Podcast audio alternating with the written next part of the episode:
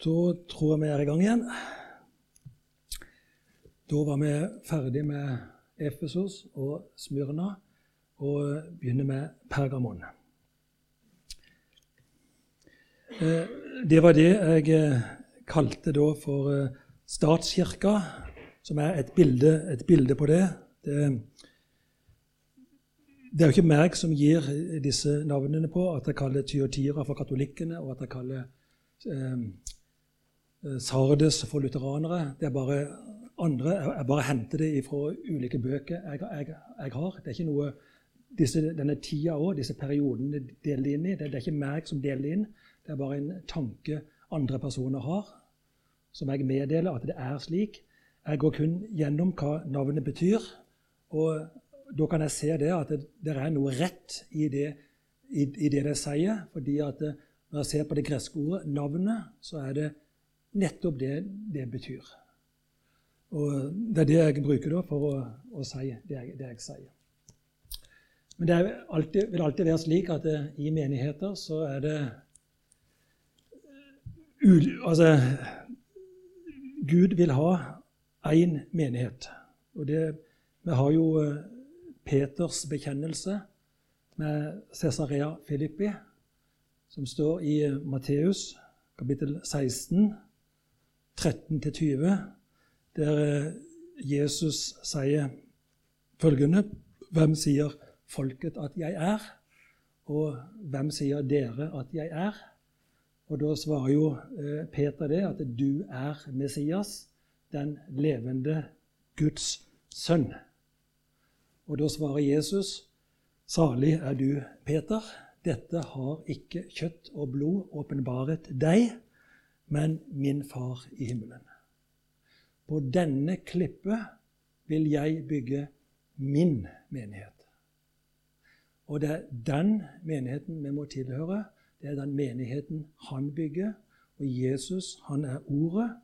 Så den menigheten han henter, som da blir bruden, den sanne menighet, det er de, de som vil tilhøre han og ta ordet på alvor, fordi at han er Ordet. Og det er på ordet han bygger sin menighet.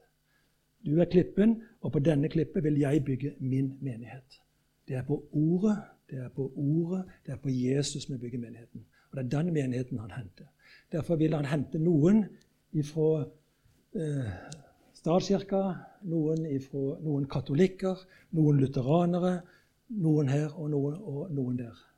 For det er de sanne kristne. Men at det er for forskjellige på en måte menigheter. Eh, det er det. Det er ikke noe å se vekk fra det. At det er ulike menigheter i Norge, det er ulike menigheter i verden. Og at, eh, at eh, det jeg tenker på, på dette med, spesielt med grenene i Johannes 15, når han sier det at 'jeg er vintreet, og dere er grenene'.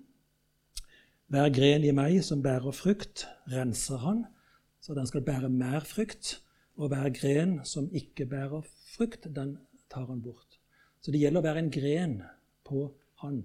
Og i dag ser jeg det at i mange tilfeller så kommer det ei grein på ei grein. Og det kommer ei kvist på ei grein på ei grein. Og dette ser jeg på som veldig farlige greier. For det står ikke noe i Bibelen om at, om at ei grein på ei grein, at det er den han renser. For det at Gud, han har bare barn. Han har ingen barnebarn. Så hvis du ser på at du, du har ei grein, så kan du se på ei grein på ei grein. Det blir på en måte et barnebarn. Men han sier det at hver gren i meg som bærer frukt. Ikke hver gren på ei grein. Og når, når folk blir kristne, så kan ikke du på en måte bare være ei grein på ei grein. Du må hele tida koble deg på stammen. For det er Jesus. Du må koble deg på ordet. Um, det er noen ord for dette her som er altså, i, i, dag føler jeg at vi har en slags kulturell påkobling på Guds ord. En sånn trad, tradisjonsmessig påkobling på Guds ord. Altså du går inn i den læra som andre hadde, uten at du undersøker om det stemmer med Guds ord. Er du født inn i en pinse, eh, eh, familie, så går du i den menigheten. Er du født inn i en sambandet, så går du i den menigheten. Er du i Nordmisjonen, så går du i den menigheten.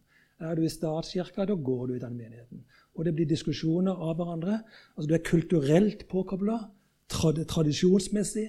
Du stiller ikke spørsmål om er dette rett eller er det noe feil her. Og Det mener jeg, det må vi alltid gjøre. Vi må stille spørsmål er det rett, det vi tror på.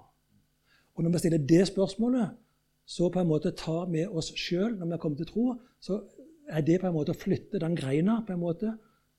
Du er, du er i utgangspunktet ei grein på ei grein, men du flytter den greina på greina flytter du over på stammen, som da er Jesus, som er ordet. Og da sier vi det at vi har teologisk påkobla. Du må være teologisk påkobla Guds ord og høre hva ordet sier. Teos, det er jo Gud, og logos, det er ordene, det er læra. Så du må koble på Guds lære, Guds ord, og ikke på en tradisjon som andre har, har eh, på en måte andre menigheter som har blitt til. Du må alltid stille spørsmålet er det rett. Og Gjør du det, så vil du finne at i en menighet så er det bra, og det er bra, og det er bra, og det er bra. Men det er ikke bra, det er ikke bra, og det stemmer ikke med Guds ord. Men det å forandre på dette, det er veldig vanskelig. Det er egentlig umulig. For det som er rett i den ene menigheten, det er feil i den andre. Går du til adventistene, så tror ikke de på helvete. Er, vi har en menighet i Norge som heter Syvende dags adventister. De tror ikke på helvete. Men de gjør en kjempearbeid. De driver misjon, sender ut misjonærer. Og de tror på Jesus, de leser Bibelen, men de klarer ikke å finne ut at det er et helvete. De forkaster læra om helvete. Selv om det står mer i Bibelen om helvete enn det det gjør om himmelen. Hvis du teller antall ord, så er det flere ganger om helvete enn om himmelen. Men de forkaster det. De, de, de, kan ikke tro på det. Uh, vi her inne regner med at de fleste tror at det er et helvete og at det er en himmel. Jeg regner med at dere gjør det. Og Jeg har prøvd, jeg har gått inn på og lest på gresk her. På alle ordene om helvete har jeg slått opp på gresk og lest. Og jeg klarer ikke å finne ett vers der det går an å si at det helvete eksisterer ikke. Jeg klarer ikke å få det til. Og Da har jeg brukt egentlig mye tid på hvert vers å prøve å finne ut kan det være noe sant i det. Tar vi feil? Og Da gjør jeg det jeg gjør. altså Jeg kobler meg på stammen, jeg kobler meg på ordet og undersøker om det stemmer. For det Hadde jeg funnet ut det, at det jeg har blitt opplært til hjemme at jo, det Hadde jeg klart å finne det i Bibelen her, så hadde jeg forkynt det at nei, det er ikke noe helvete. Da hadde jeg forkynt det. Fordi jeg, jeg kunne dokumentere det, at jeg har funnet det i Bibelen, at det er ikke noe helvete. Men jeg klarer ikke å finne det. Og da, da, men jeg finner at det er et helvete. Det, det finner jeg. Det er ad, advarsler mot det. Og, så jeg, jeg, kjører på med denne med den der. Ja, nå prater vi ute. Nå må vi gå på Pergamon. Eh, det er seks vers fra 2.12 til 12, 13, 14, 15, 16, 17 er det. Det er seks vers. Eh, og til engelen, den i Pergamon, menigheten, skriv. Dette sier han som er havende sverdet, det tveeggede, det skarpe. Det har vi jo hatt før. altså Sverdet, at han har det tveeggede sverd, det betyr jo at han har ordet, han er ordet, og han har ordet, og han taler ordet. Og Guds ord det virker på to måter. Det er tveegget.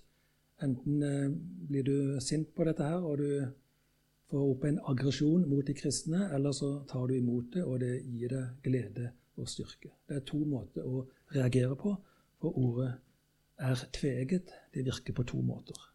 Så jeg tror ikke det er noe mer å si om akkurat det.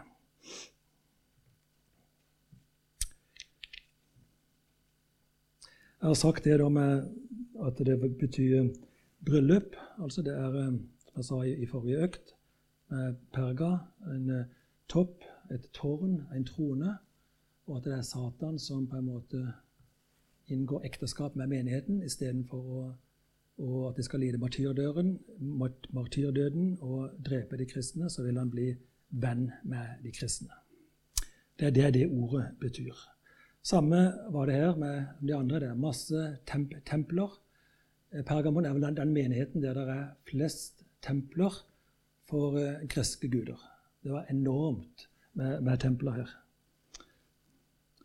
Det var et område her som heter Nikke, Nikkeforum.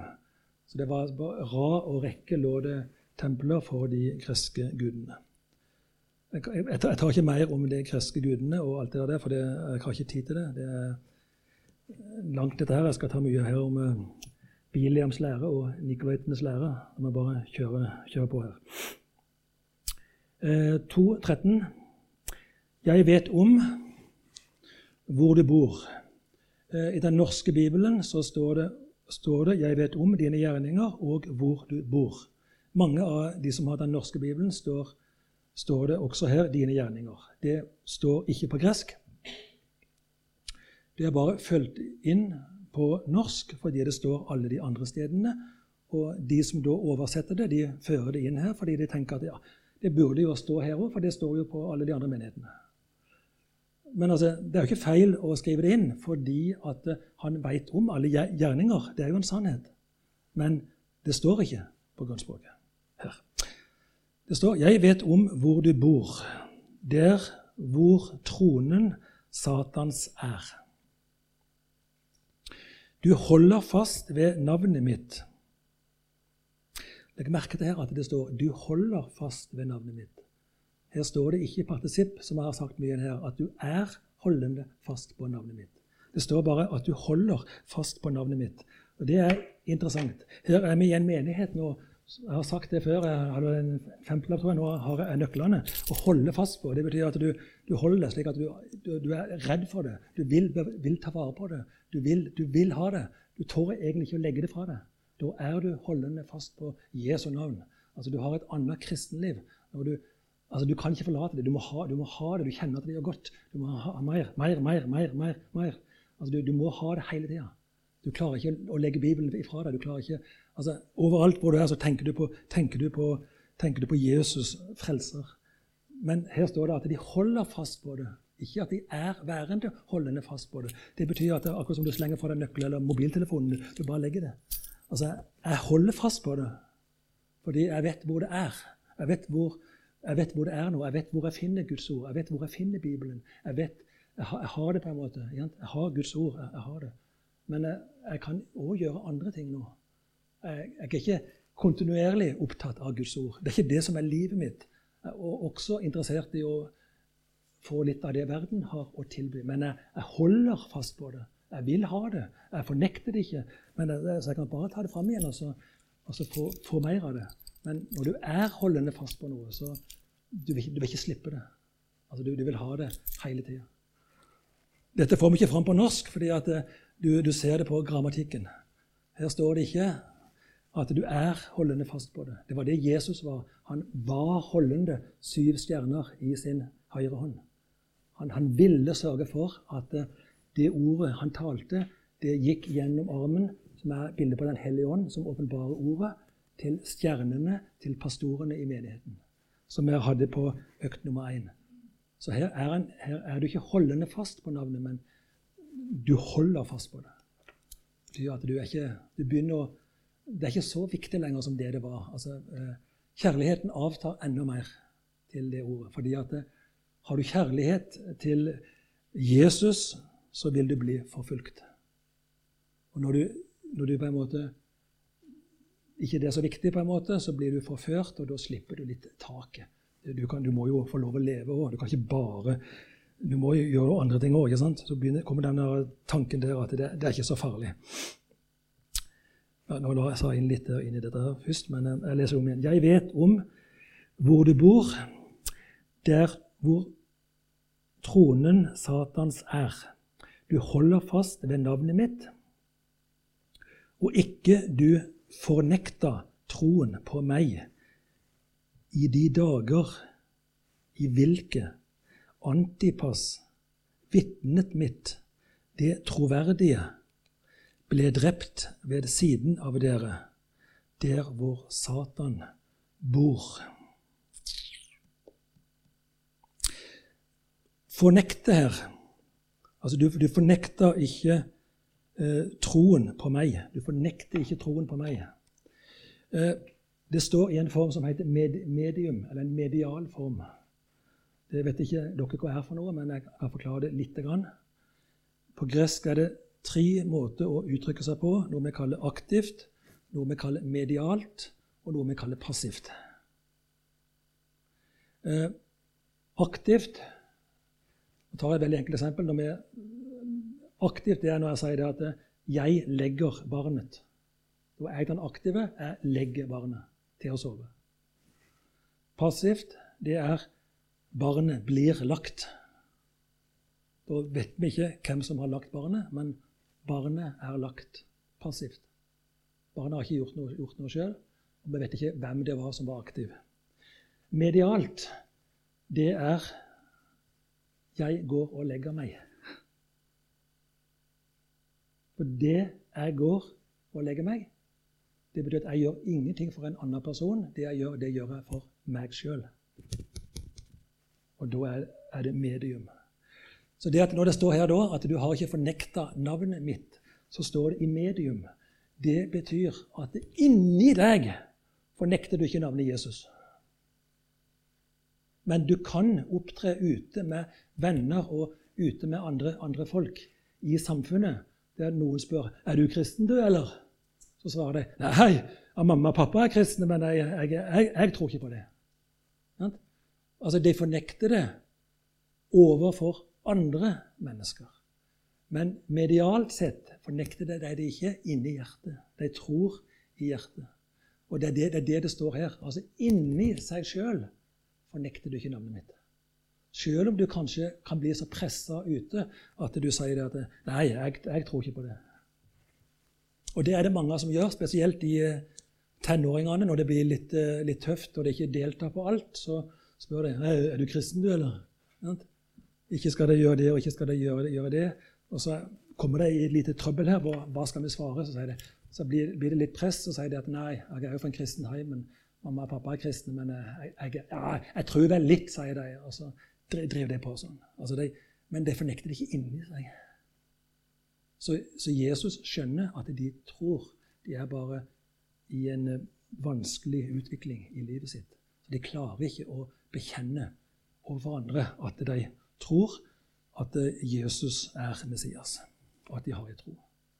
Men det er klart det er mye lurere for deg å stå fram som kristen og si For de har et mye enklere liv når, når du står fram, enn å ha sånn kristendommen på lur. liksom at Inni bekjenner du det, men du, du, du tør ikke fortelle det til andre. Så det, det er det som sto her, at du har ikke fornekta troen på meg. Medialt sett. Altså inni hjertet ditt så tror du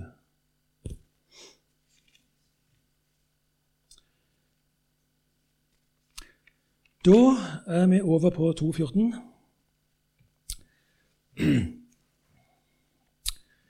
Og 2.14 og 2.15 de tar jeg sammen. og Da må vi nødt til å ha noe her nå. Nå blir det tøffe greier, altså. Uh.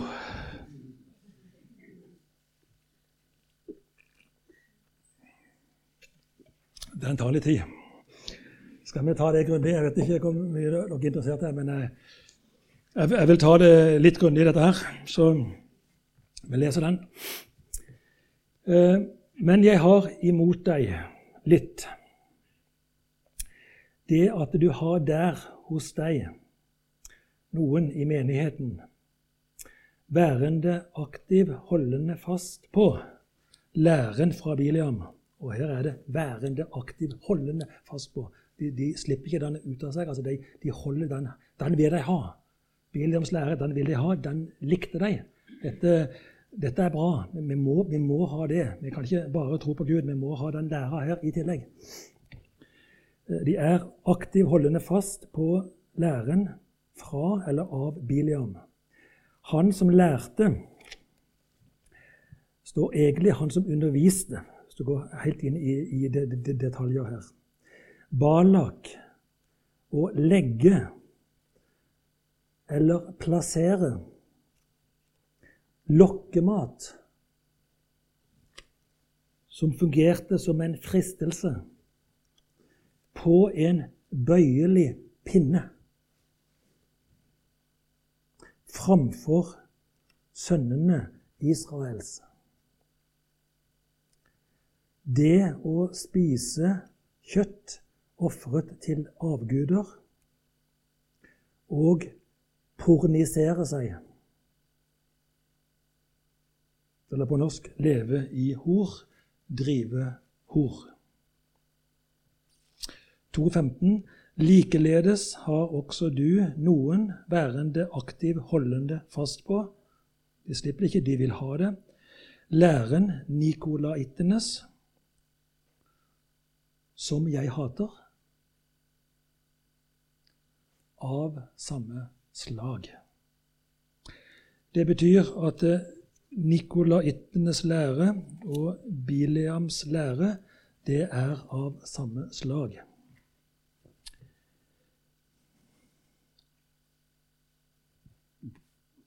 Vi får se litt på dette her. Jeg begynner med nikolaitenes lære, som er den greske. Det er bare to ulike navn her. Biliam det er hebraisk tankegang. Og, eh, og eh, Niko, Nikolaos, nikolaitene, det er en gresk tankegang. Nikodemos, jeg begynner med han. Nikos betyr seier. Ordet nike betyr å seire. Noen driver som er aktiv trenende. Når noen går på treningssenter og trener, så har de ofte en T-skjorte her, så står det Nike. Nike det, er da, det kommer av gresk. Nike det betyr å seire. Jeg går for å seire når jeg skal trene. Eh, Nikos er seier. Demos, det er folk. Seire og demos, det er folk. Det kjenner dere til i demografi, befolkningslære. Demografi. Nikodemos. Eh, det betyr da hvordan folket skal seire. Det var jo Nikodemus. Han kom til Jesus på natta. og eh, Han spurte hva skal jeg gjøre for å arve evig liv. Og Han svarte du må bli født på ny. Og Det skjønte ikke han helt, men du må bli født av vann og ånd. Så for å få del i seieren, så må du bli født på ny. Og det er da å seire med å få tak i den seieren Jesus allerede har eh, fått i stand for oss. Eh, Nikolaus det var en eh, person som vi hører om i apostlenes gjerninger. Etter hvert når arbeidet økte i menigheten, så måtte de velge diakoner for å servere med bordene.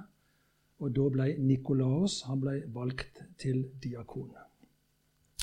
Vi regner med at det var han som sto for, det, sto for dette. Vi kan ikke bevise, jeg kan ikke si at det var det, men vi regner med at det var han som innførte denne læren, som hadde interesse for å leve på den måten her, og leve i hor. Men uten at de visste det. Jeg tror ikke han hadde blitt valgt til å være diakon i menigheten hvis de ante dette. Men eh, vi vet ikke. Men vi regner med at det kommer av han. Laos betyr folk, akkurat som demos betyr folk. Og Nikos er seier, som jeg sa. Men her går det over hvordan Satan bruker mennesker til å unngå seieren. Det er Satan som skal seire over mennesket med å få dem vekk ifra kristen tro og få inn vranglære, det som ikke skal være i menigheten. Vi snakker jo om at en menighet den skal være i verden og gå ut og forkynne evangeliet. Så skal det være en hyrdefunksjon som sørger for at eh, verden ikke kommer inn i menigheten. Og Her er det jo eksempler på at det er verden den kommer inn i menigheten med noe som, ikke, noe som Gud ikke vil ha. Du skal ikke ete kjøtt ofret til avguder. Og denne måten å leve på i, eh, i hor, det er noe Bibelen sier at det, det skal det ikke være. Så han, eh, han eh, sa følgende da her, han Nikolaus, det er det at friheten i evangeliet plasserer dem over enhver morallov eller etisk lov. Den gav dem anledning, tillatelse, til å synde fritt. Fordi at du må synde og leve i synd for å oppleve nåden. Det mente Nikolaus. Du må leve i synd for å oppleve nåden. Det var ingen grunn til å gi nåde hvis ikke du hadde synda. Hadde synda. Og derfor han kom, for å gi nåde til de som levde i synd. Så det gjorde ingenting om du levde sånn eller på den måten eller på den måten, for da fikk du bare del i Jesu nåde. Så det var, det var tankegangen til eh, Nikolaus. Så, og sånn er det vel kanskje litt i dag òg, at eh, vi er kanskje ikke opptatt alltid av å få tilgivelse, men vi er mer opptatt av å få tillatelse. Vi vil få tillatelse til å leve i synd istedenfor fokus på tilgivelse. Liker ikke å høre på en forkynner kanskje, som formaner. Det er kjekkere å høre på en som kan gi trøst. At du kan leve i din synd og ha det greit likevel. Og er du tror på Jesus, og det er jo sånn og sånn, så heller, heller få trøst. Så lever du videre på den måten du har lyst til å leve. Eh, Biliams lære det er egentlig det samme. Eh, vi, skal, vi, skal, se på dette her nå. hva det Vi har ei eh, hebraisk rot som heter bel. Eh, du kan si bil og bel og bal og altså, Det betyr lite. Det, altså, vokalen inni, inni, der betyr egentlig ingenting, fordi du har den i ulike former. Men eh, det vi kaller for bel-rota, eh, med den lyden BL, eh, det betyr ødeleggelse. Bela eller belé, det betyr å ødelegge som verb, og det betyr ødeleggelse som substantiv.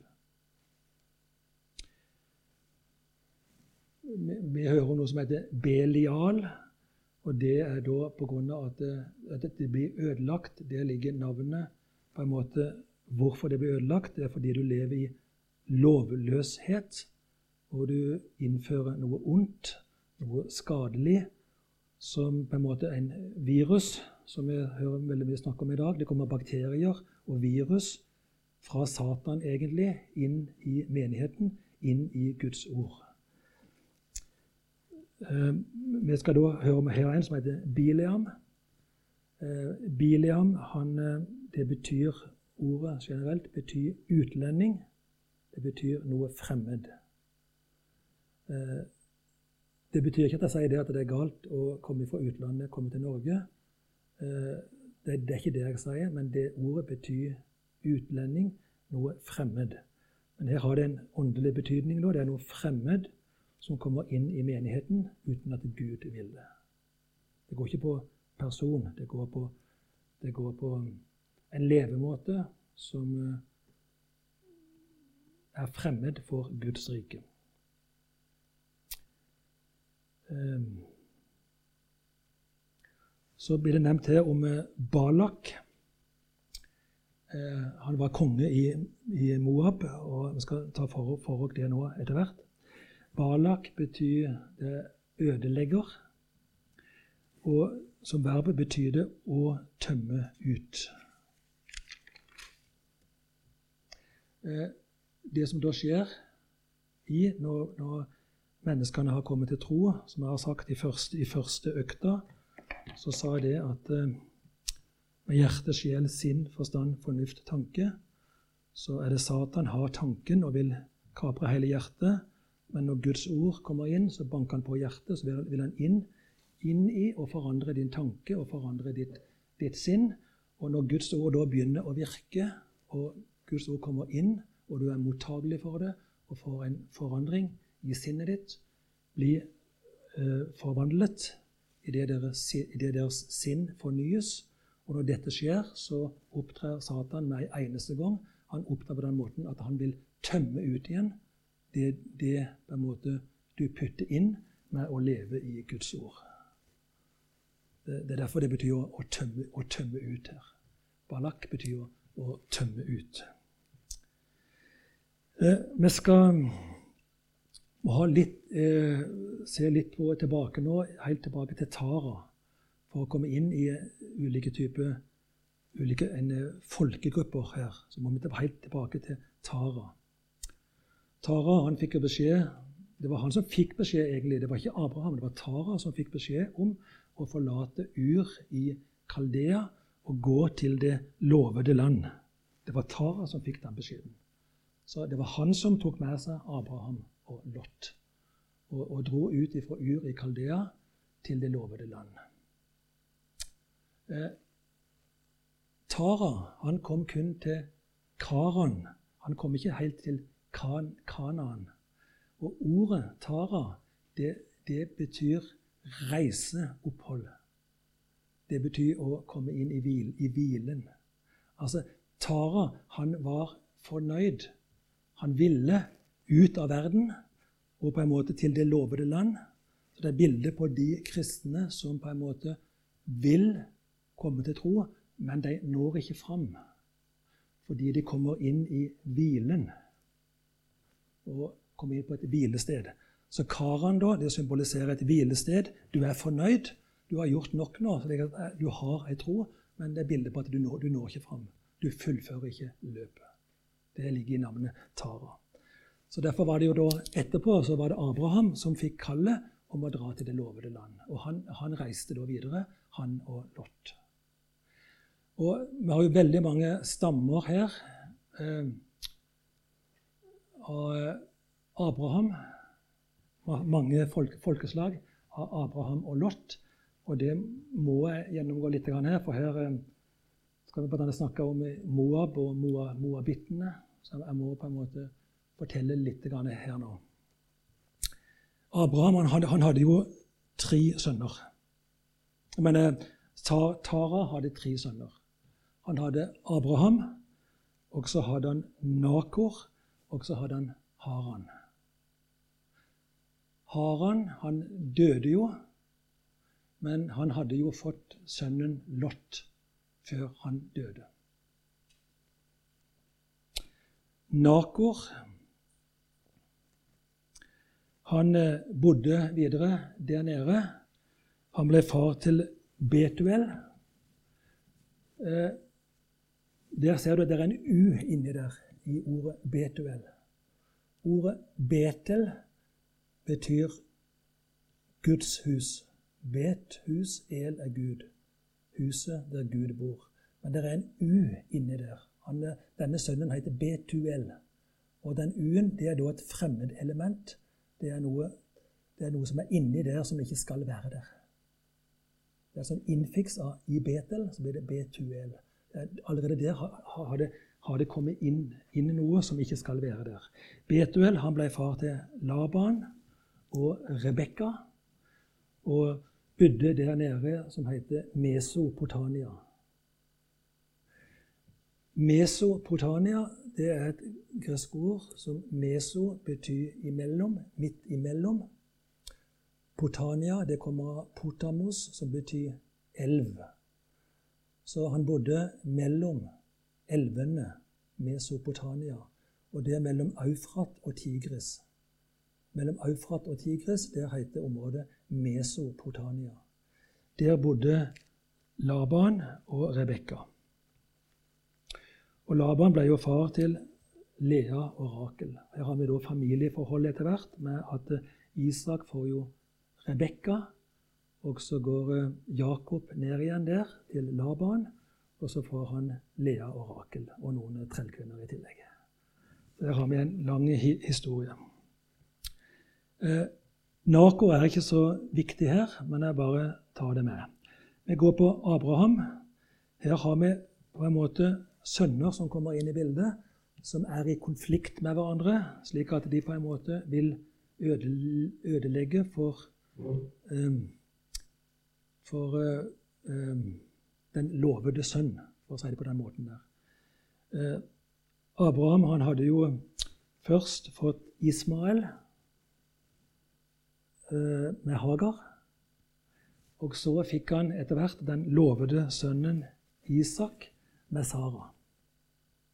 Etterpå at eh, eh, Sara var død, så tok Abraham seg en ny kone, og hun heter Ketura.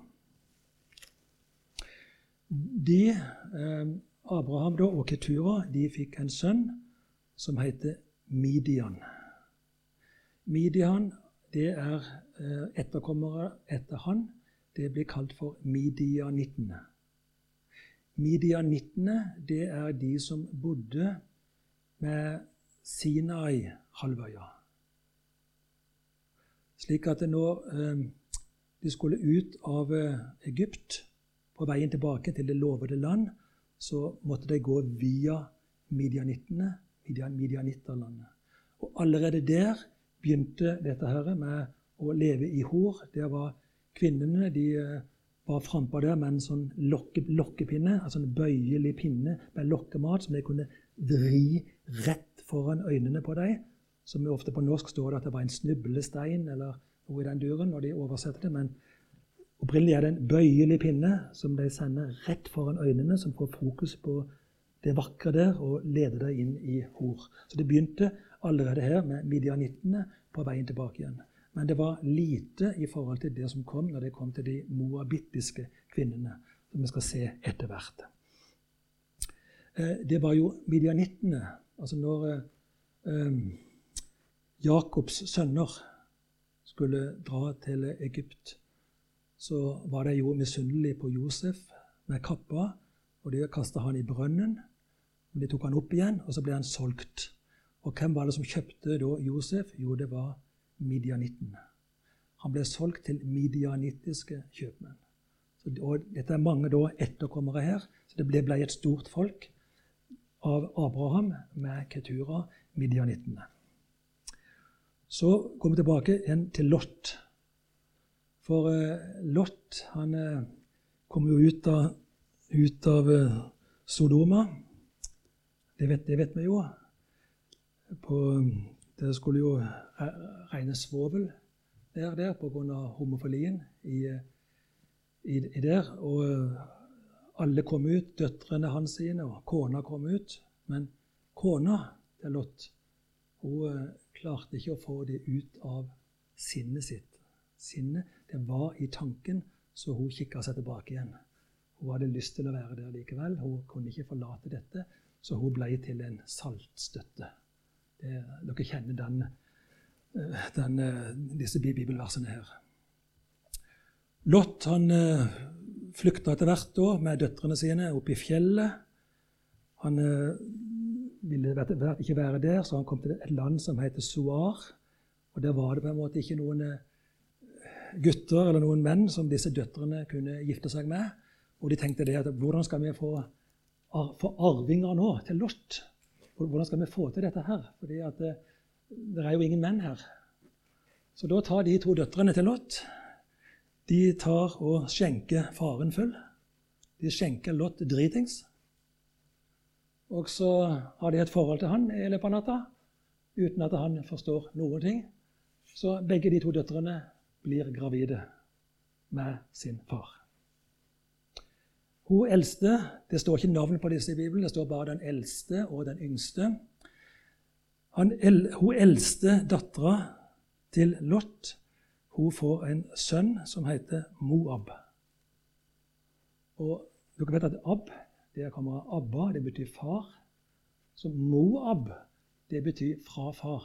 Hun kalte sønnen sin for fra far fordi hun fikk den sønnen av sin egen far.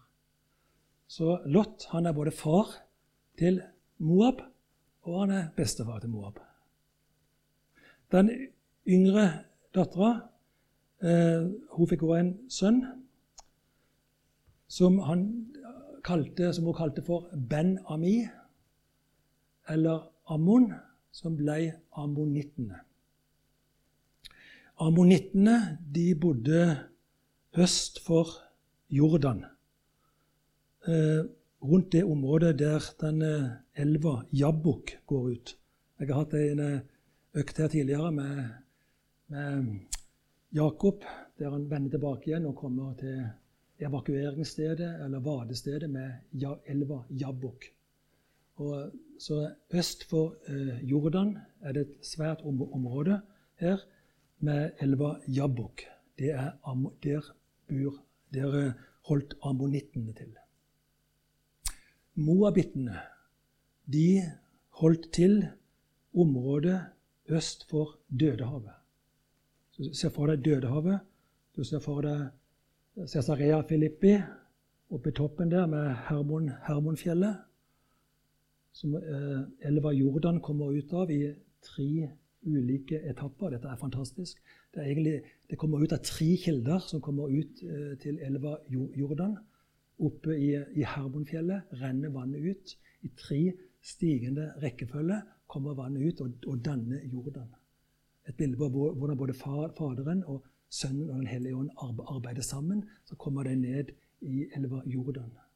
Jordan det kommer av JRD-lyden. Det kommer av et ord som heter jared, som betyr å stige ned. Det er bildet på at Jesus kom ned og skulle redde de som er på vei inn i døden, som er ned med Dødehavet. Så den elva da, Jordan den renner fra Cesarea Filippi nedover til Genesaretsjøen. Så renner den videre, videre nedover til Dødehavet. Og Har du Dødehavet her, så er det øst for Dødehavet. Der, der ligger Moabitterlandet. Og der bodde moabittene. Det var da alle etterkommere av Moab, som er sønn av Lot med sin datter. Det er jo egentlig helt uh, sykt. Så, og, og de, disse var de, de verste, da. Altså, de, altså det, det, seksuelle her og måten å leve på, den, den, det betydde jo ingenting. De hadde jo til og med, til og med fått, fått barnet med sin egen far. Så det, her lever vi som vi vil. ikke sant? Vi vil nyte livet, og vi vil leve etter våre lyster. Så det, det er moabittene.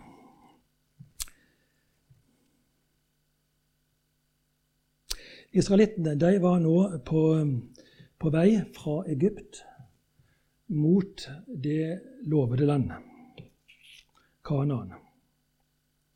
Moabittene de hadde da stor frykt for disse is israelittene. De eh, likte ikke dette her at de skulle gå forbi. De skulle eh, gå forbi her, og det likte, likte de ikke. altså. Så kongen i Moab, Balak, som det står om her, da, han ville få Bileam til å forbanne israelittene.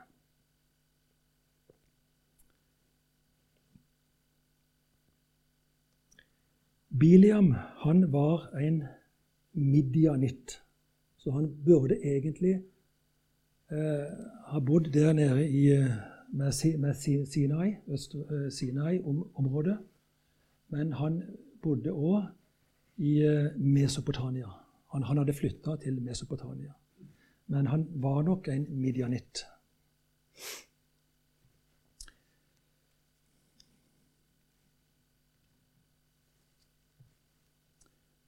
Han, eh, det ble sagt at eh, Midian han hadde kunnskap om den ene sanne Gud. Altså Han trodde på Gud, og han trodde på at det skulle komme en frelser, at det skulle komme en Messias.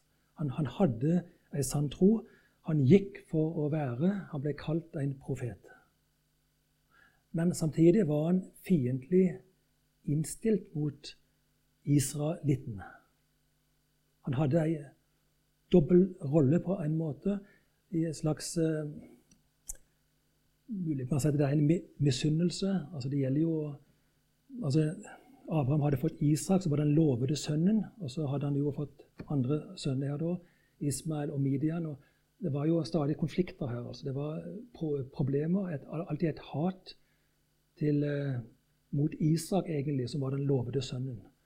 Og disse da israelittene her, i den et, ettertavla her, den, de ble forhatt og de ble forfulgt. Og, de, de frykta disse herrene og hva, de kom til å gjøre.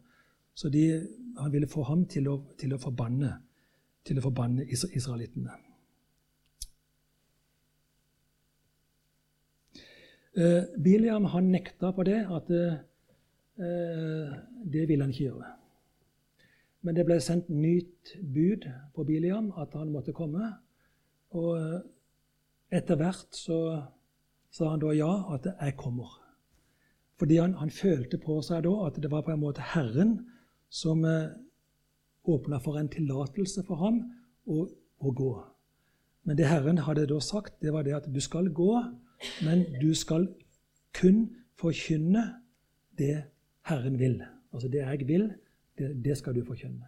Jeg skal komme til å si til deg hva du skal si, hva du skal forkynne der nede.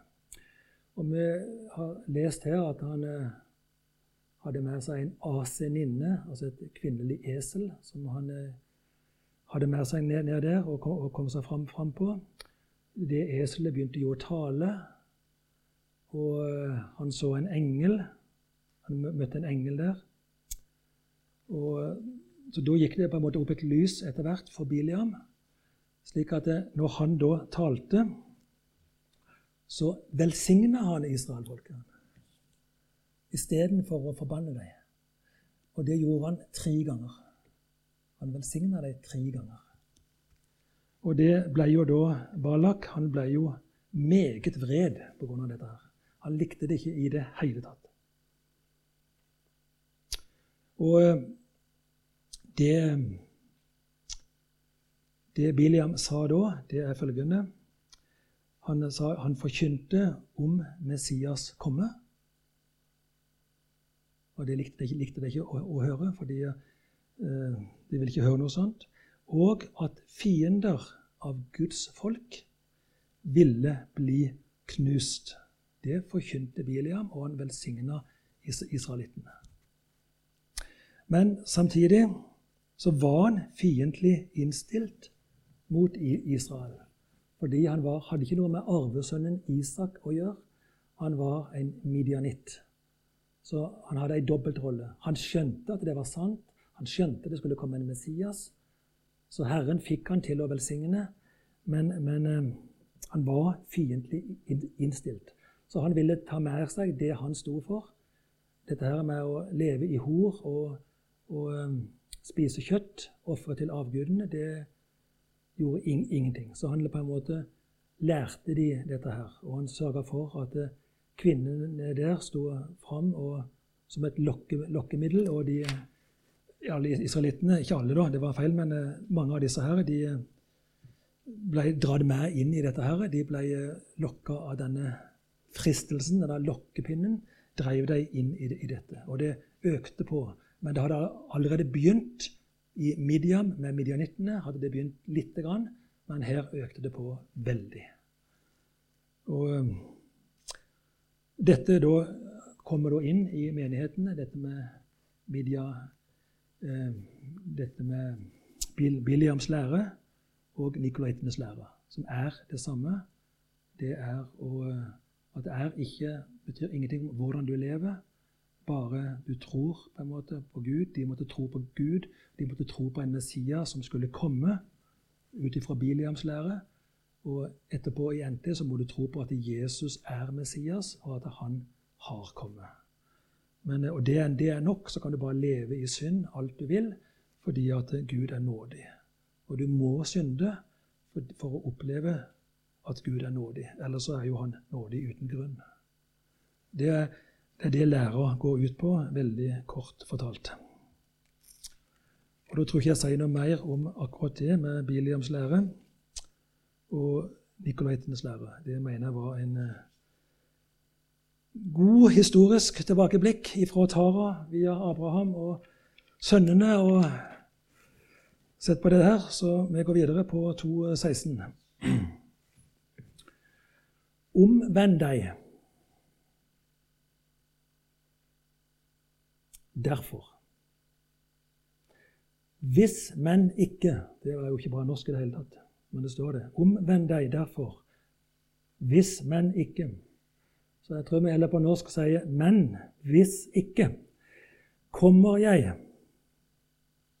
mot deg straks eller brått. Og jeg vil komme til å føre krig mot dem. Altså ikke mot deg, men mot dem. Legg merke til det. Vil jeg komme til å føre krig mot dem, kjempe mot dem med sverdet i munnen min. Og sverdet i munnen min, i munnen hans, det er Guds ord. Han er ordet, og han taler ordet. Og Det betyr at han tar opp kampen med ordet sitt til de som lever på denne måten her, som godtar Biliams lære og Nikolaitenes lære. For det, det, hater, det hater Jesus. Den, den, det vil han ikke ha. Så han kommer til å ta opp kampen mot dem. Men det er avhengig av hva på en måte pastoren da, eller forstanderen, engelen, gjør i menigheten. For det har stått før 'skriv til engelen' for menigheten. Skriv til pastoren, skriv til forstanderen i menigheten Pergamon. Og det er han han taler til nå. Omvend deg, altså som leder i menigheten. Det, det, det, det, er du nå som må gjøre noe i menigheten nå for å redde menigheten. Så omvend deg. Og det betyr, det er ikke ordet for å omvende seg som betyr i om at du skal bli født på ny. Det er på en måte å komme til tro på nytt. Men den troa du har på en måte på, på Jesus, den, den, lever du ikke ut på en riktig måte. Så du, de, måten du lever på nå, at du på en måte godtar dette og ak aksepterer det uten at du gjør noe med det Du må omvende slik at du får, at du får fokus på dette her. Skal vi se Det var veldig Har vi der igjen? Ja. Det, han, det, det eh, forstanderen han sier 'omvend deg'. Eller så kommer jeg mot deg, og jeg vil eh, komme til å føre krig mot dem. Men ansvaret ligger på forstanderen. Han må gjøre noe nå og ta opp kampen. Eller så kommer han med ordet sitt litt kraftigere og, og vil ta opp den, den kampen her. 2,17. Den som er havende et øre Det er samme formuleringer i alle menighetene. Samme formuleringer. Den som er havende et øre, han hører hva Ånden sier til menighetene. Og igjen, han sier det til alle menigheter. Eh, og da, om du har det, eller om du ikke har det, så må du Når det gjelder for deg, så må du holde deg vekke fra det. Og når du, når du ikke er et problem i din menighet, da, måte, da må du sørge for at det ikke kommer inn i din menighet. Så det gjelder alle menigheter. Til den som er seirende, med andre ord i en seirende posisjon. Du er ikke, du har ikke seira, men du lever et kristent liv i troa på Jesus som Messias. Men du er ikke død, du har ikke tatt ditt siste pust. Du har ikke fullført løpet. Og det sier Paulus. Fullfør løpet, sier han. For du må dø i en seirende posisjon. Han vil jeg gi å spise av mannaen, det skjulte. Og jeg vil komme til å gi ham en stein hvit og på steinen et navn. Et nytt et, altså et nytt navn.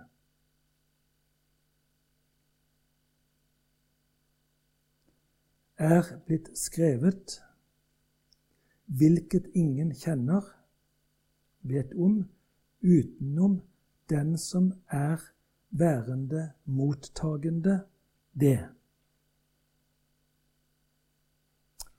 Det er ikke noe bra norsk, men vi får ta det litt, litt om igjen. Eh, til den som er seirende, han vil jeg gi å spise av mannaen det skjulte. Eh, å spise mandag vi hadde jo noe av det samme med Efesos-menigheten de skulle spise av tre livets, som jeg sa, av livets tre. Uh, og det var på en måte få åpenbaring at Jesus han er treet, og han er livet. Så det betyr at du er, var på en måte i paradis allerede der, i et åndelig paradis, på en måte, og kunne spise av det treet. Og jeg sa at det hadde med åpenbaring å gjøre, for du skulle spise noe du spiste. Altså du spiser om igjen noe du spiste. Jeg lager et nytt ord på gresk. Eh, det første er at du eh, Som heter e- estio, som betyr å spise for å få en kledning, for å bli ikledd Kristus. Det sa jeg første dagen. Eh, som heter da estes. Estes er en kledning du får fordi du spiser ordet estio. Å spise ordet, det betyr at du hører på ordet. For troen, det kommer av å høre ordet. Når du kommer til tro på Kristus, da har du egentlig spist, spist deg til tro. Og da får du en kledning. Når du da jobber videre med det, så laget grekerne et nytt verb som heter fagein. Det betyr å spise om igjen det du spiste. Og når du da jobber mer med Bibelen, med Guds ord, så kommer åpenbaringa. Så åpenbaringa da i Efesos det var det på en måte gikk på Nytestamentet, der Jesus hadde kommet, slik at du får den åpenbart. Men her er jo mannen tilbake til GT, det det brødet som kom ned fra himmelen, som er da bildet på at du skal, at, at du skal spise mannen som er skjult. Det betyr at det, i GT er det veldig mye skjulte skrifter som vil bli åpenbart når du spiser videre på Guds ord. Det er en veldig rar måte å tenke på. Du spiser noe du spiste. Altså Du leser om igjen og om igjen det du las for å komme til tro. Det du hørte, det hører du om igjen og om igjen, og du blir bevart i troa. Du blir styrka i troa, og du blir i stand til å tale apologetisk, apologetisk. Betyr at du kan forsvare de tro når du møter mot, motstandere mot de tro. Og Det står til og med i passiv, det verbet her nå. Det betyr at det, eh, du trenger ikke tenke sjøl at 'nå skal jeg spise for å få åpenbaring'. Altså Det er passivt. Så når du spiser og jobber med det, så vil Gud gi deg åpenbaring direkte. Uten at, trenger, uten at du trenger å gå inn for å finne åpenbaring. Den vil komme fordi det står i passiv. Så du trenger ikke gjøre noe sjøl. Herren, eh, Gud, åpenbarer det for deg med Den hellige ånd. Jeg vil komme til å gi ham en stein hvit. Og Med navn står det her, og et nytt navn og alt dette her. Og um, Det er jo passivt. Han gir deg en stein. Den er hvit, den er passiv. Um, hvorfor skal du få en hvit stein?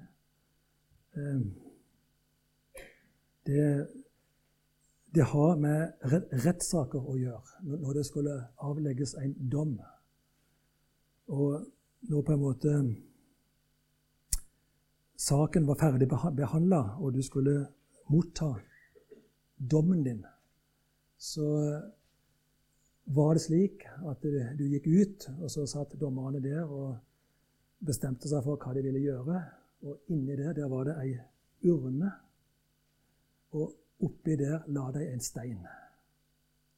Hvis den steinen var svart, da var du dømt skyldig. Og hvis den steinen oppi der var hvit, da var du dømt fri. Så når det her står at han skal få en hvit stein, så betyr det at han er fri. Han er uten skyld. Alle dine synder de er tilgitt i troa på Jesus, i navnet Jesus. Du er erklært rettferdig fordi at eh, her, leser de jo 'kom til tro', og det får åpenbaring. Og vi har jo det at eh, med hjertet tror man til rettferdighet, og med munnen bekjenner man til frelse. Så her blir du da erklært fri, du blir erklært rettferdig fordi du fikk en hvit stein. Og med et navn på det som er slik at ingen kjenner det uten den som får det. Og det navnet er et nytt navn. Det er to ord for nytt og ny, også på gresk. Det er noe som er ny, som er helt nytt, som ikke har vært der før. Og så er det noe som er nytt av kvalitet. Og her er det brukt ordet kainos, da, som er at det er nytt av kvalitet. Altså, det er et navn du egentlig allerede har fått av, av, av Jesus.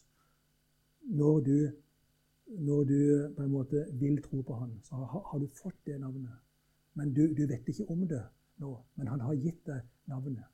Slik at når, når, du da kommer til, til tro og vil um, se det navnet her, så er, det ikke noe nytt navn han, han gir deg, altså, som ikke har vært før. Det har vært der, men det er nytt av kvalitet. Det er ikke helt enkelt å for, forstå det, men uh, jeg klarer ikke å forklare det bedre enn det. Navnet er nytt. Akkurat det, det samme ordet som er brukt når det skal bli en ny himmel og en ny jord så er det òg ordet 'kainos'. Det skal bli en ny, en ny, himmel og en ny jord. Det betyr at det, det er ikke noe nytt. Altså Når menneskene, når vi kommer til himmelen, så er himmelen jorda her.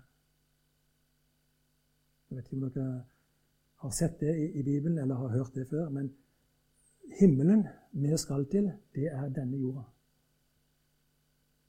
Og denne jorda skal bli ny. Det skal bli en helt ny jord av kvalitet. Kan vi finne eksempler på at det er riktig i Bibelen? Svaret er ja. Og når jeg, når jeg sier det, at jorda her skal bli totalt fornya Du skal, skal ikke på en ny planet eller en ny jord som blir himmelen. Det er denne jorda, bare helt ny av kvalitet. Det er fordi at Gud sier følgende Eh, menneskenes bolig er ikke hos Gud, men Guds bolig er blant menneskene. Og Går vi videre i åpenbaringen her, så står det at Og de så det nye Jerusalem komme ned på jorda. Det nye Jerusalem kommer ned, for Guds bolig er blant menneskene. Menneskenes bolig er ikke hos Gud, men Guds bolig er blant menneskene. Derfor kommer det nye Jerusalem ned. Og Det er litt av en by som kommer ned da, som blir det nye Jerusalem. Det er en terning av litt eh, dimensjoner. Den er 225 mil lang, 225 mil brei og 225 mil høy. Den kommer ned fra himmelen og treffer jorda et eller annet sted. Så er jo spørsmålet da hva, hva skjer da? Hvem skal gå inn i den og sånne ting? Det får vi ta en annen gang. Men da Da tror jeg det får holde. Vi kom igjennom 2.17 nå, gitt. Det var ikke verst.